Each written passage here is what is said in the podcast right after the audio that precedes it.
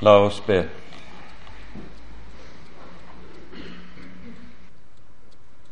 Hellige Gud, så kommer vi inn for dine øyne og ber om den nåde at du sender din Hellige Ånd for at dine ord må få rom i våre hjerter. Ransak meg, Gud, og kjenn mitt hjerte. Prøv meg å kjenne mine mangehånde tanker, og se om jeg er på fortapelsens vei, og led meg på evighetens vei. Amen. Det er bots- og bededag i morgen. Og kanskje det er noe av det som er bakgrunnen for at det temaet er satt opp som vi er samlet nå om i denne timen.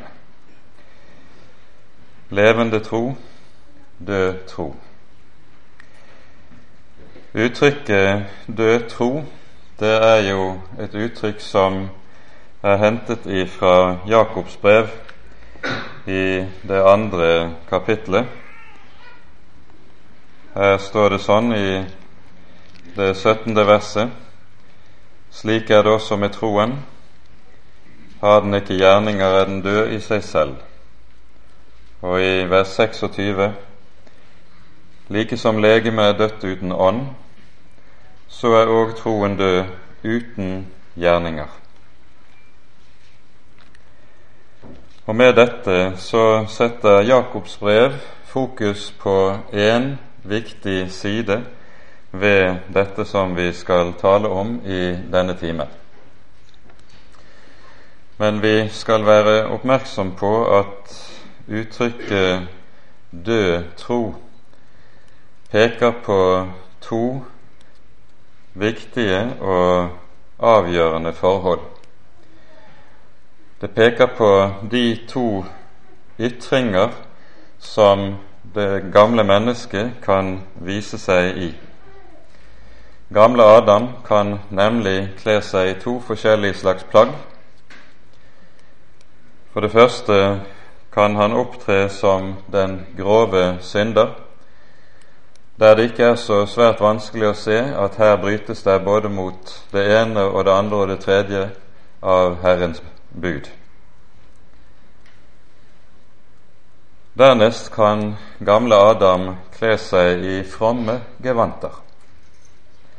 Da er han ikke like lett å kjenne igjen, verken når vi ser ham hos andre, eller når vi ser ham hos oss selv.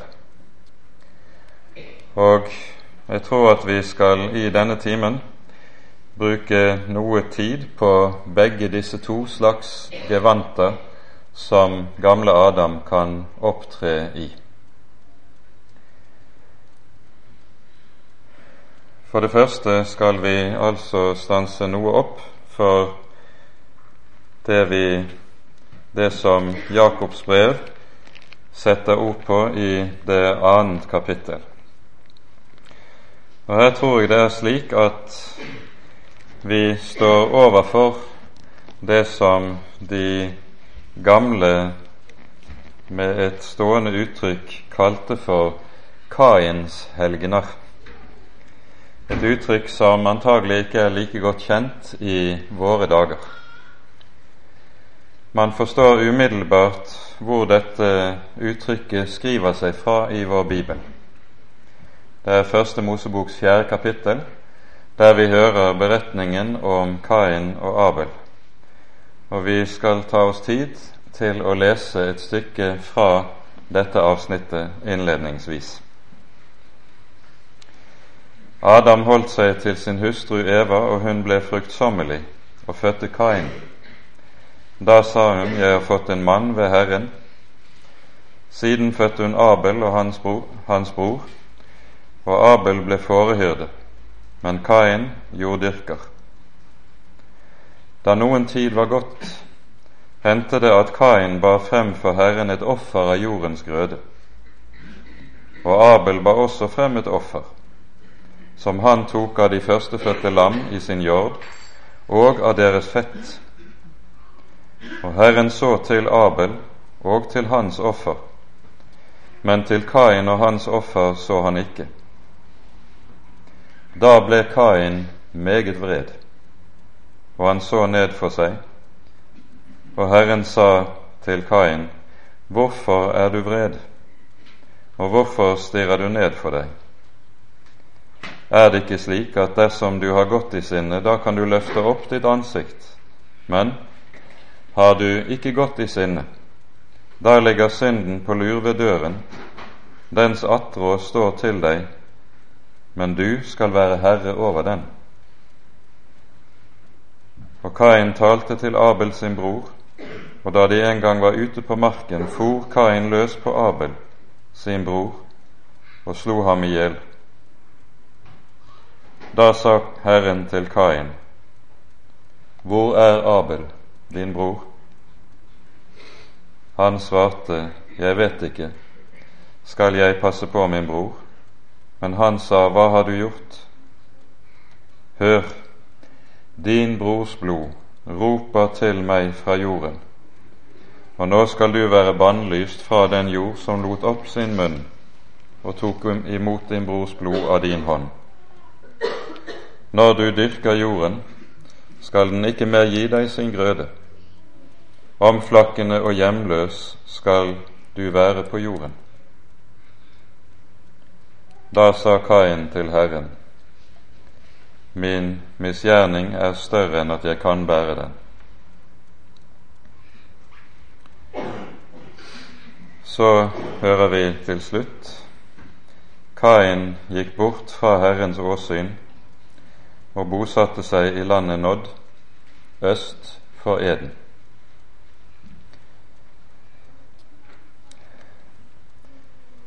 Jeg tror vi med rette har lov til å si om disse par kapitlene som vi her står overfor i Første Mosebok, at når vi leser kapittel tre i Første Mosebok, der beskrives for oss syndens vesen, mens her i kapittel fire beskrives syndens makt. Og syndens makt viser seg ikke primært i det grove ytre fall Kain går inn i når han slår sin bror i hjel, men i det at synden skiller et menneske for alltid fra Gud. Når det nemlig står, som vi hører til slutt, Kain gikk bort fra Herrens åsyn og bosatte seg i landet nådd, så er det nettopp det som er utgangen på Kains synd. Han blir det første mennesket som lever uten Gud, lever borte fra Gud, dør uten Gud. Og hva ligger bak? Det vi hører, det er at både Kain og Abel bærer frem offer til Herren. Og mye unyttig spekulasjon har vært viet spørsmålet hva er det som gjør at Herren ser til Abels offer, men ikke Kains? Kan det være hvilket slag av offer det er de bærer frem, som er årsaken, eller hva er det? Bibelen svarer egentlig ganske tydelig på hva som er årsaken, og vi behøver ikke å spekulere på det. I hebreerbrevet sies det ved tro bar Abel frem for Herren et offer. Kain gjør altså ikke det. Og hvordan kan Skriften si dette? Poenget er jo at når vi leser i dette avsnittet, så ser vi at Herren tre ganger oppsøker Kain, taler til Kain, søker å få ham i tale. Og vi hører hvorledes Kain hver gang lukker sitt hjerte for Herrens tiltale, viser den fra seg. Og nettopp dette er poenget. Hvordan et menneskes forhold er til Gud. Det kommer nettopp til syne i hvordan dette mennesket forholder seg til Guds ord.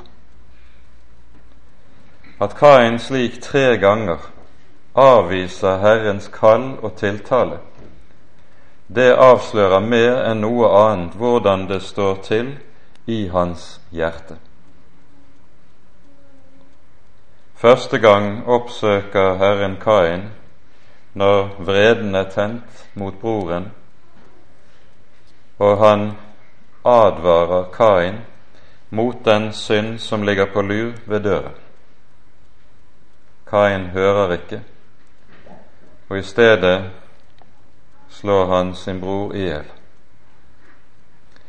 Annen gang kommer Herren til ham, kaller ham til regnskap. Hva har du gjort? Hvor er din bror? I dette spørsmålet ligger lovens milde tiltale. For slik som vi hører Guds lov i Skriften, så kan Gud både tale mildt og tale meget skarpt når loven lyder. Loven kan lyde sånn som vi hører det hos Jeremia. Er ikke mitt ord lik en ild og lik en hammer som knuser berg? Men loven kan også lyde langt mer forsiktig. Da kommer den i form av spørsmål. Hva har du gjort? Der den kommer til Eva på samme vis etter fallet. Hva har du gjort? Til Adam. Hvor er du? Hvor har det du nå har forvoldt, ført deg hen? Men på ny hører vi Kain vise Herrens kall tilbake. Og så lyder den skarpe tiltale fra Herren. Din brors blod roper til meg fra himmelen, fra jorden. Derfor skal du være forbannet fra jorden. Og på ny, ikke engang her tar Kain til seg Guds dom over sitt liv. På ny skyver han Guds tiltale fra seg, for når vi har lett for å tenke at når bibeloversettelsen lyder som vi hører det her, min misgjerning er større enn at jeg kan bære den, så skal det helst oversettes noe annerledes. Min straff er større enn at jeg kan bære den. Poenget er at Kain her ikke viser noen som helst form for anger. Han beklager kun at det han har gjort, har ført til konsekvenser som er tunge å bære for hans egen del. Og Derfor hører vi ham til slutt gå bort fra Herrens åsyn, og så leve der borte fra Herrens åsyn resten av sitt liv. Slik ser vi Kains hjertelag komme til uttrykk nettopp i møte med Herrens tiltale, Herrens ord. Men nå er poenget her at nettopp denne mann, som slik gradvis forherder seg sterkere og sterkere mot Herrens ord, han ofrer til Herren. Han ber til Gud. Og så ser du disse to ting gå hånd i hånd. På den ene side bønn, gudstjeneste og tilbedelse og samtidig åpenbar og grov synd, ja, selv den dypeste forherdelse. Og hvordan kan disse to ting gå sammen? Jo, det vi her står overfor, er nettopp noe av det som kjennetegner den falske religiøsitet gjennom alle tider. En vil ha Guds tjeneste, Guds dyrkelse, kan gjerne be og synge lovsanger for den saks skyld, men en vil ikke vende om. Når ordet om omvendelse lyder, når det pekes konkret på synd i livet, da lukker en ører og hjerte. Og det er dette det menes med det gamle uttrykk Kains helgener. Og slike mennesker har det alltid fantes innenfor kristenheten, innenfor den kristne kirke og innenfor den kristne menighet. De er med. De kan sågar være ganske trofast med i møter og gudstjenester. Men samtidig så leves der i synd. De vet godt hva Herren sier i sitt ord, men dette ser ikke ut til å volde dem den aller ringeste samvittighetskval. Vi hører om det samme om igjen og om igjen gjennom bibelhistorien. Hos Jeremia er dette kanskje aller tydeligst. Vi leser i Jeremia-boken syvende kapittel. Se, dere setter deres lit til løgnaktige ord til ingen nytte. Hvorledes? Jo, dere stjeler, slår i hjel, driver hor, sverger falsk, brenner røkelse for andre guder, som dere ikke kjenner. Og så kommer dere og står frem for mitt åsyn i dette hus, som er kalt med mitt navn, og sier:" Vi er frelst. Og så tenker dere at dere fremdeles kan gjøre alle disse vederstyggelige ting. Er da dette hus, som er kalt med mitt navn, blitt en røverhule i deres øyne? Se, også jeg har sett det, sier Herren. Her ser vi nøyaktig samme sak. Det er mennesker som kommer i Guds hus, og som frimodig kan si 'vi er frelst', men som samtidig altså tillater seg å leve i strid med Guds bud. Kanskje de gjør det på en måte som ikke oppdages av andre, men selv vet de det utmerket godt hvorledes de lever. Og så kan vi spørre hva er det som ligger bak dette? To ting må det pekes på. Ved siden av dette at vi møter dette sinn hos Kain, som har en egen evne til å skyve Herrens ord på avstand, slik at en ikke tar det på alvor, så ligger noe av det som vi leser i den femtiende salmen, også i bunn under dette. Her står det i Salme 50 fra vers 16 slik.: Til den ugudelige sier Gud, hva har du med å fortelle om mine lover og føre min pakt i din munn? Du hater jo tukt og kaster mine ord bak deg. Når du ser en tyv, er du gjerne med ham, og med horkarer gjør du felles sak. Din munn slipper du løs med ondt, og din tunge spinner sammen svik. Du sitter og taler imot din bror. Du baktaler din mors sønn. Og så kommer det. Dette har du gjort, og jeg har tidd.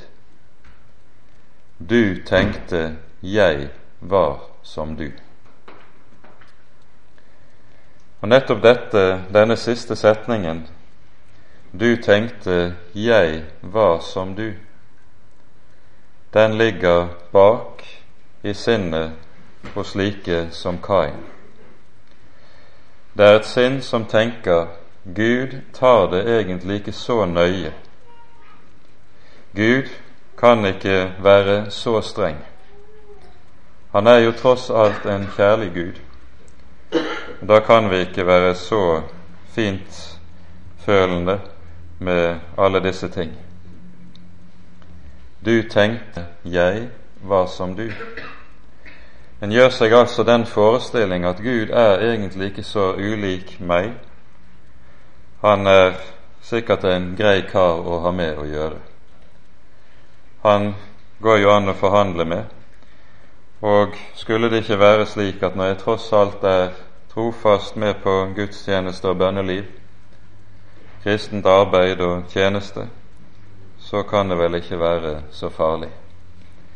En bruker altså sin religiøsitet som forhandlingskort med Gud til å tenke Gud slår sikkert av for gamle kjente. Du tenkte jeg var som du, og så følger det Jeg vil straffe deg og stille det frem for dine øyne. Her er jo Bibelen helt entydig og likevel så driver vi mennesker taskens spill. Bibelen er helt entydig i dette, at liv med Gud finnes aldri uten omvendelse fra synd. Derfor det mennesket som hater tukt, som er uttrykket som anvendes her, det er et menneske som står Gud imot. Å hate tukt, det er i Skriften benevnelsen på det at et menneske nettopp ikke vil ta Guds hellige bud på alvor når budene kommer inn og går i rette med mitt hjerte, med mitt liv og treffer meg. I stedet skyver en det fra seg. Det er ubehagelig, en liker det ikke. Og de som taler på en slik måte at det blir stilt frem for mine øyne, det blir den typen predikanter som man ikke liker å lytte til. En går helst og hører på andre som er, har litt mer honning i røsten. Her skal vi lære en avgjørende ting som sies ikke minst i forbindelse med nedskrivingen av loven som lyder ved avslutningen av femte Mosebok. Når Moses har skrevet ned femte Mosebok, så hører vi at det sies til Israel Israels folk skal lære seg et bestemt avsnitt her, kapittel 32 i femte Mosebok, utenat. For at det skal stå som et vitnesbyrd for folket når de kommer inn i landet. Og så sies det ta vare på det ord som vitner imot deg, for det er ditt liv. Tankevekkende. Ta vare på det ord som vitner imot deg, for det er ditt liv. Vi har nemlig så altfor lett for å ta vare på det som vi kaller for de gode ord og vi skal takke Gud for evangeliet i de gode ord. Men å skyve fra seg det som vitner imot meg, det er noe av det farligste vi kan gjøre. For det er nettopp de ord som vitner imot meg, som pirker i grumset i mitt eget hjerte, halvheten i mitt eget liv, synden som jeg gjerne vil degge for. Det er de ord som jeg trenger aller mest. Ta vare på de ord som vitner imot seg. Det var det Kain ikke ville gjøre. Han hatet tukt. Dette er altså noe av det første vi skulle tale om. Det er her hvor vi møter det gamle mennesket i sin når det slår ut i grove ytre utslag. Men så kan altså gamle Adam være meget flink og kle seg i fromme gevanter. Da er det ingenting en likesom kan ta han på. Og da kreves det et skarpere syn, det syn som vi ble minnet om ved innledningsordene her til møtet i aften. Jeg vet om dine gjerninger du har navn av at du lever, og du er død. Her er det tale om den typen bedrag som vi ofte kaller for selvbedrag, der et menneske kan både bedra seg selv og andre. Alle tror at her står vi overfor en levende kristen her står vi overfor et menneske som har alt i orden i sitt liv med Gud. Og så sier han som ser. Du har navn av at du lever, men du er død. Det som Herren her taler til en bestemt menighet, det er jo noe som vår, vårt Nytestamente, ikke minst, hyppig advarer mot og er inne på. Ikke minst ser vi det i Jesu taler om de siste ting, som vi finner i Matteusevangeliets 24. og 25. kapittel, og hvor ordet om å våke er hovedordet som dukker opp på ny og på ny. Vi skal se litt på et par av disse ordene, men jeg vil her bare minne om et annet ord i åpenbaringsbokens tredje kapittel. Ordene sendebrev, i sendebrevet til menigheten i Laudikea, det siste av sendebrevene.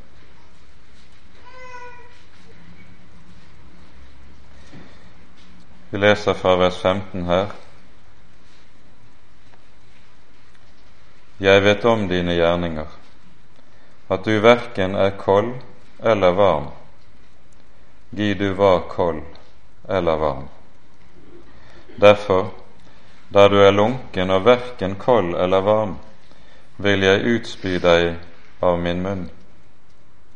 Fordi du sier, Jeg er rik og har overflod og mangler intet, og vet ikke at du er ussel, ynkelig fattig og blind og naken, så råder jeg deg.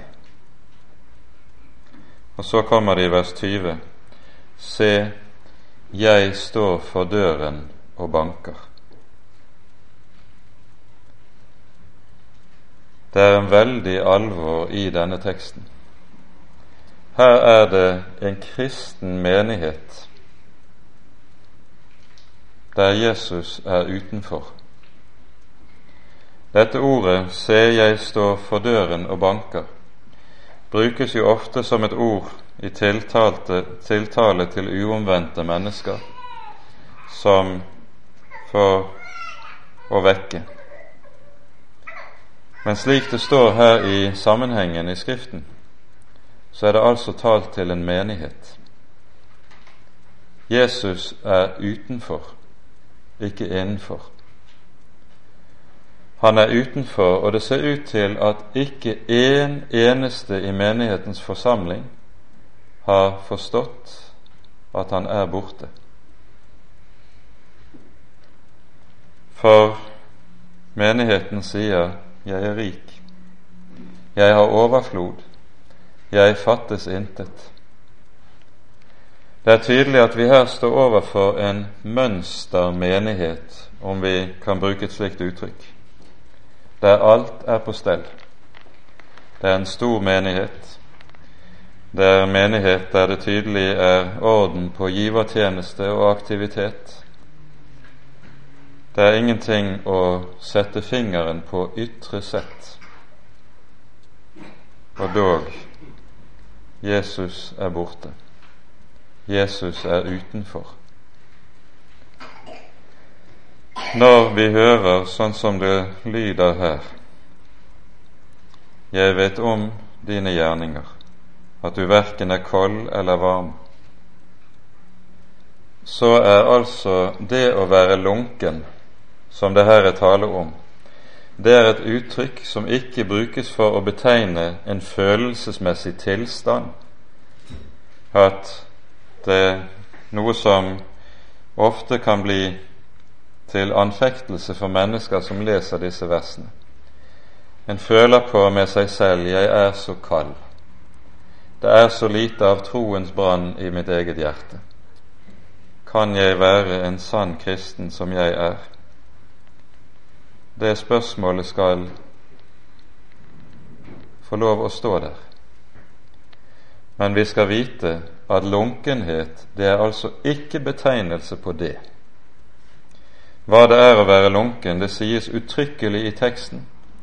Det er nettopp det fordi du sier 'jeg er rik' og mangler ingenting. Det er det det er å være lunken.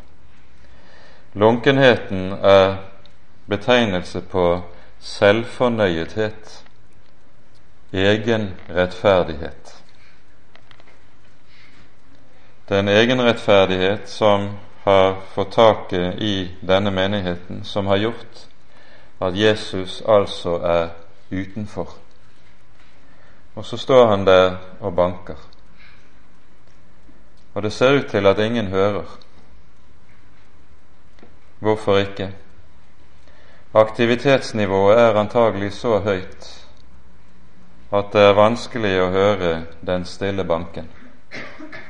Det er så meget kristendom og kristelighet der inne at det er ingen som hører at han som er kristentroen, han er borte. Kristus blir borte fordi det er for mye kristendom.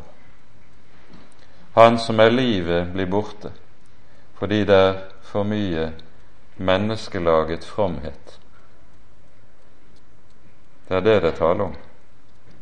Se, jeg står for døren og banker. Om noen hører min røst, hører gjennom larmen, hører gjennom all aktiviteten og kristeligheten, hører Hans røst, da vil jeg gå inn til ham og holde nadvær med ham. Det Jesus altså her vitner om for denne menigheten, det er at det går an, så å si, å ha alle ting i orden, mens det samtidig og likevel er slik at alt er galt. I dette ligger det et dypt alvor. I dette ligger det en veldig tiltale og et veldig kall til oss i forhold til denne fare for å bli selvfornøyet. Vi hører Jesus tale om de samme ting når vi leser Jesu endetidstaler, som allerede nevnt. Den sterkeste og viktigste av disse i, når det gjelder det vi her taler om, det er lignelsen om de ti brudejomfruene, som vi finner i Matteus 25. Da skal himlenes rike være å ligne med ti jomfruer som tok imot lamper og gikk ut for å møte brudgommen. Fem av dem var dårlige og fem kloke. De dårlige tok sine lamper, men tok ikke olje med seg.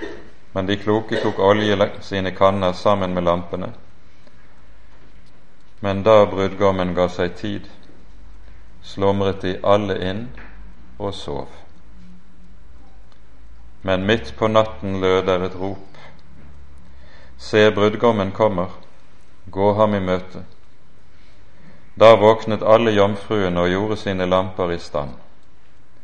De dårlige sa til de kloke, Gi oss av deres olje, for våre lamper slukner. Men de kloke svarte nei. Det vil ikke bli nok både til oss og til dere. Gå heller til kjøpmennene og kjøp til dere selv. Men mens de gikk bort for å kjøpe, kom brudgommen, og de som var rede, gikk inn med ham til bryllupet.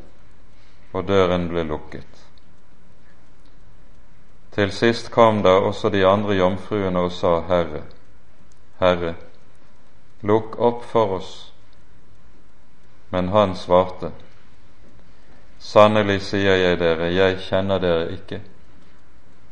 Våg derfor, for dere vet ikke dagen eller timen. Jesus taler her om sin gjenkomst. Når teksten innledes, som vi hører med, da, da skal himlenes rike være å ligne med, så refererer dette da til det som er sagt i det foregående, nemlig hvorledes det skal være i tiden umiddelbart før hans gjenkomst. Og så sammenlignes altså Guds rike med ti brudejomfruer som går ut for å møte. Disse er bildet på mennesker som altså har bekjennelsen, er med i Guds rike, i, Gud, i forsamlingen, og som altså i det ytre hører til den kristne menighet. Og så sier altså Jesus fem av ti blir stående utenfor. Han sier ikke én av ti eller to av ti. Men han sier det veldig alvorlige fem av ti blir stående utenfor på den siste dagen. Tenk dere helt konkret at det ble dratt en skillelinje rakt igjennom forsamlingen. Den ene halvdel fikk være med, den annen ikke. Forferdelig alvor. Men dette er det altså Jesus selv som har sagt. Og så må vi stille spørsmålet hva dreier det seg her om? Hva er det Jesus taler om? Våg derfor, for dere vet ikke. Han taler om samme sak som vi møter i menigheten i Laudikea. Mennesker som tenker om seg selv. Alt er i orden, og så vet de ikke at alt dog er galt fatt. Det er dette som kjennetegner egenrettferdigheten. Egenrettferdighet, det er en art blindhet som gjør at en ikke ser sin egen tilstand, som gjør at en heller ikke ønsker å se hva som er sannhet om seg selv. En er så å si kristen av gammel vane mens det liv som er livet i Kristus, det får ikke leve. Hva er det? Svaret på hva det dreier seg om her, ligger nettopp i det Jesus sier når han sier 'Jeg kjenner dere ikke'. Ordet 'kjenne' i vår bibel det er et meget spesielt ord, og det er et meget betydningsfullt ord. Det er et ord som brukes for å betegne det næreste personlige fellesskap som kan være mellom to. Det brukes f.eks. om mann og hustru i ekteskap. Når de blir ett, da brukes dette ordet å kjenne å kjenne Når Jesus altså sier 'Jeg kjenner dere ikke', så sier han med andre ord dere har ikke levd i mitt samfunn. Dere har kanskje levet ytre sett riktig, slik at det ikke er noe å sette fingeren på i livet. Men sammen med meg, i samfunn med meg, har du ikke levet. For dette er jo det som er den innerste kjerne i kristendom. Kristendom er et livsfellesskap med Guds egen sønn. Dette er det evige liv, at de kjenner deg, den eneste sanne Gud, og ham du utsendte, Jesus Kristus. Dette kan, skal kanskje oversettes noe mer eh, nøyaktig, fordi vi her står overfor det som kalles for en hebraisme i grunnteksten. Dette er det evige liv, at de kjenner deg, den eneste sanne Gud, ved at de kjenner det, ham, Guds sønn. Liv i Gud, det eier et menneske ved å kjenne og leve i livs fellesskap, i livs samfunn med Guds egen sønn. Hvem gjør det? Jesus taler meget om det i vårt Nye testamente.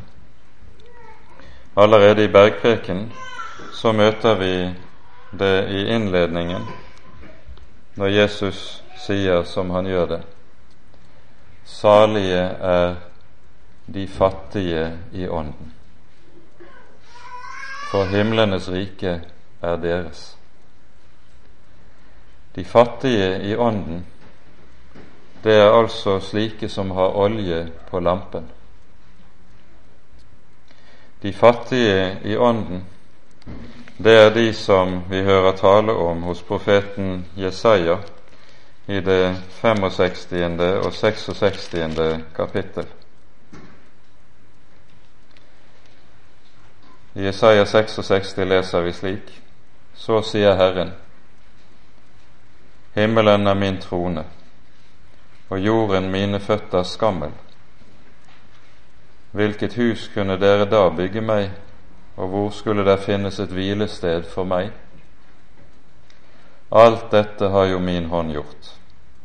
Og således ble alt dette til, sier Herren, men den jeg vil se til, det er den elendige, og den som har en sønderbrutt ånd, og er forferdet over mitt ord. Det er åndens fattigdom. Den jeg vil se til, det er den som den levende Gud bøyer seg ned til. Han som troner så høyt som vi har hørt tale om her, han bøyer seg ned dit. Den som har en sønderbrutt ånd og er forferdet over mitt ord. Urbildet av hva vi her står overfor, det finner vi i Jesu eksempelfortelling om fariseeren og tolleren i tempelet. Hos tolleren møter vi nettopp denne forferdelse over Herrens ord. Gud vær meg synder nådig. Det som lyder her, og som lyder hver søndag når den kristne menighet synger sitt Kyrie eleison. Herre, miskunne deg over meg. Det er synderen som stå, vet seg å stå innenfor den levende Gud, vet seg å stå innenfor den helliges øyne og ikke ha noe å påberope seg. For vi skal vite og være klar over. Den dag jeg slutter å være en synder, den dag slutter Jesus å være frelser. Det å være en synder som trenger nåde, det er ikke en stilling som en kristen slutter å være i på noe tidspunkt i sitt liv dersom en tenker om seg selv at det kristne liv, helliggjørelsen og veksten i helliggjørelse skulle innebære at jeg kommer ut av synderklassen, så jeg ikke lenger skulle behøve å rope Vær meg synder nådig. Dersom jeg tenker det, da har jeg misforstått alt. For det å være et kristent menneske, Det er fordi en lever i lyset fra Han som er den levende og hellige, vet med seg selv at jeg har aldri noe annet å komme til Han med enn dette. Gud, vær meg arme synder nådig.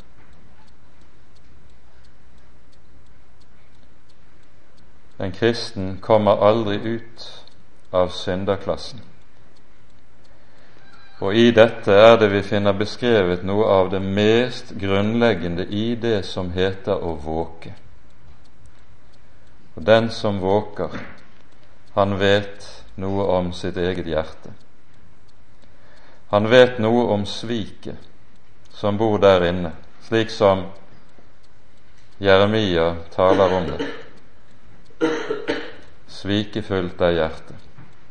Mer enn noe annet og ondt er det. Hvem kjenner det? Og Derfor ber han også med Jeremia Frels meg, Herre du, så blir jeg frelst. Omvend meg, Herre du, så blir jeg omvendt. Han vet at han ikke engang er i stand til å omvende seg selv.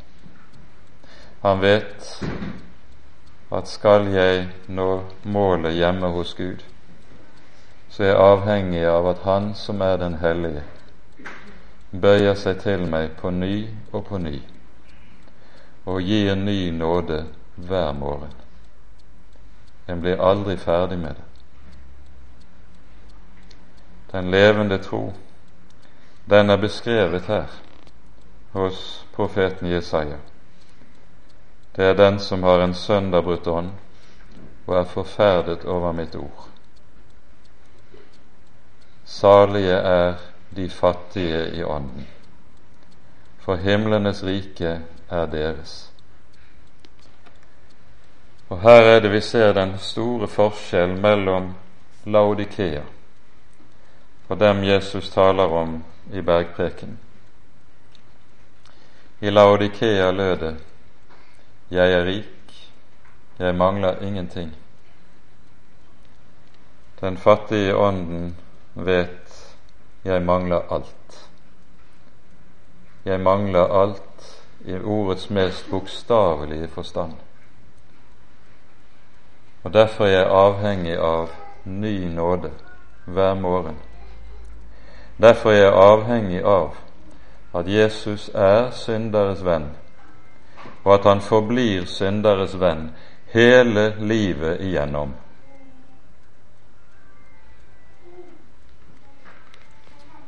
Det store under som Det nye testamentet forkynner oss,